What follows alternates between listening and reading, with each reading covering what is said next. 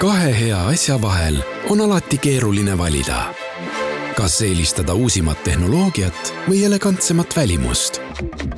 uue Toyota Camry täishübriid elektriautoga on valik lihtne. see on lipulaeva elegants, mugavus ja turvalisus. uus Camry Hybrid koos viimase põlvkonna Toyota Safety Sense ohutuspaketiga. Camry Executive on nüüd eriti hea tutvumispakkumisega. vaata lisa toyota.ee. ruupor. tere, mina olen ajakirjanik Ainar Ruussaar hilistel kaheksakümnendatel võis linnapildis näha täna uskumatutena tunduvaid väikeäride silte. pastakate täitmine näiteks. või siis vihmavarjude parandus. üks minu tookord Tallinnasse sattunud Soome sõber küsis, mida tähendab vihmavarjude parandus. sadenvarju on korjaus, püüdsin talle tõlkida. Ta hakkas laginal naerma ja uuris, miks peaks vihmavarjusid parandama NATO puhul on vihmavarjus saanud kõigile arusaadav kollektiivkaitset sümboliseeriv kujund.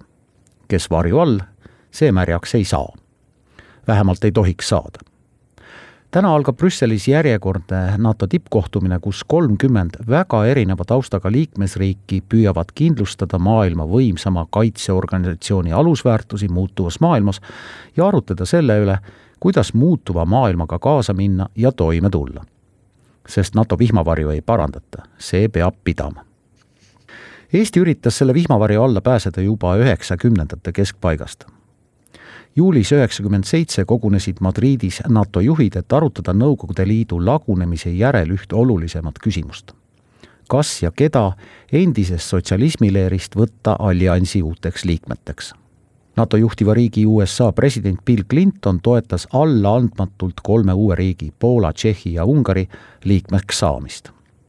teda rünnanute esivõitlejaks oli Prantsusmaa president Jacques Chirac, kes nägi tulevase laienemise peakandidaatidena Rumeeniat ja Sloveeniat. teda toetas tuliselt Saksamaa juht Helmut Kohl niigi terava vaidluse, et mitte öelda vastasseisu, ajasid veelgi tulisemaks Norra, Taani ja Island just nemad leidsid, et uusliikmed peaksid olema kolm Balti riiki. Eesti, Läti ja Leedu poliitikud ja ajakirjanikud ootasid hinge kinni pidades NATO otsust. pettumus oli suur, sest lootused olid viimase hetkeni olnud suured. Eesti, Läti, Leedu, Sloveenia ja Rumeenia langesid esimese laienemisringi kandidaatide hulgast välja Madriidi tippkohtumise lõppotsusesse kirjutati küll üsnagi hämar viide nende riikide tulevasele liitumisvõimalusele meie pettumus oli ikkagi väga suur, seda enam, et Saksamaa kantsler Kohl teatas ajakirjanikele, et järgmise laienemisringi peapretendendid on siiski Sloveenia ja Rumeenia, kes on oma reformidest olnud Balti riikidest edukamad. võimalik, et Saksamaa kantslerit mõjutas ka Venemaa tollase juhtkonna esimene jõuline viide sellele, et Baltimaade liitumist NATO-ga ei suuda Venemaa ära seedida. kahe tuhande teise aasta novembris oli Prahas justkui sõjaolukord maailma vapustanud terrorirünnakutest kaksiktornidele oli möödunud vaid aasta. Praha kongressikeskusesse, kus sotsialismi ajal peeti kompartei kongresse, kogunesid NATO juhid ja kandidaatriikide liidrid, neid turvasid tuhanded politsei eriüksuslased. kohal oli ka USA president George Bush. Eesti ajakirjanikud ootasid hinge kinni pidades NATO otsust ja olid pärast Madridis saadud pettumust oma ennustustes pigem ettevaatlikud veidi süstis avalikkusesse optimismi vahetult enne kohtumise algust ajakirjanike ette ilmunud Tšehhi president Václav Havel, kes kinnitas, et seitse riiki Eesti, Läti, Leedu, Slovakkia, Sloveenia, Bulgaaria ja Rumeenia saavad kutse vihmavarjuklubisse.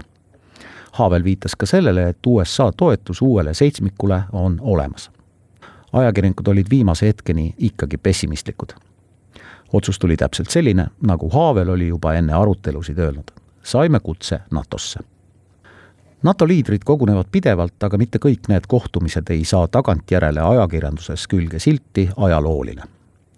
juba mainitud Madriidi ja Praha kohtumise kõrval oli väga oluline ka kaks tuhat kuus, mil NATO liidrid kogunesid esmakordselt endise Nõukogude Liidu aladel, lõunanaabrite pealinnas Riias.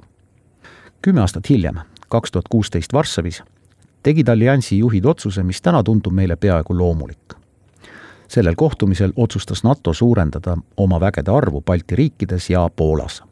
Eestisse otsustati saata pataljoni suurune lahingugrupp. tänase NATO tippkohtumise tulemusi me veel ei tea.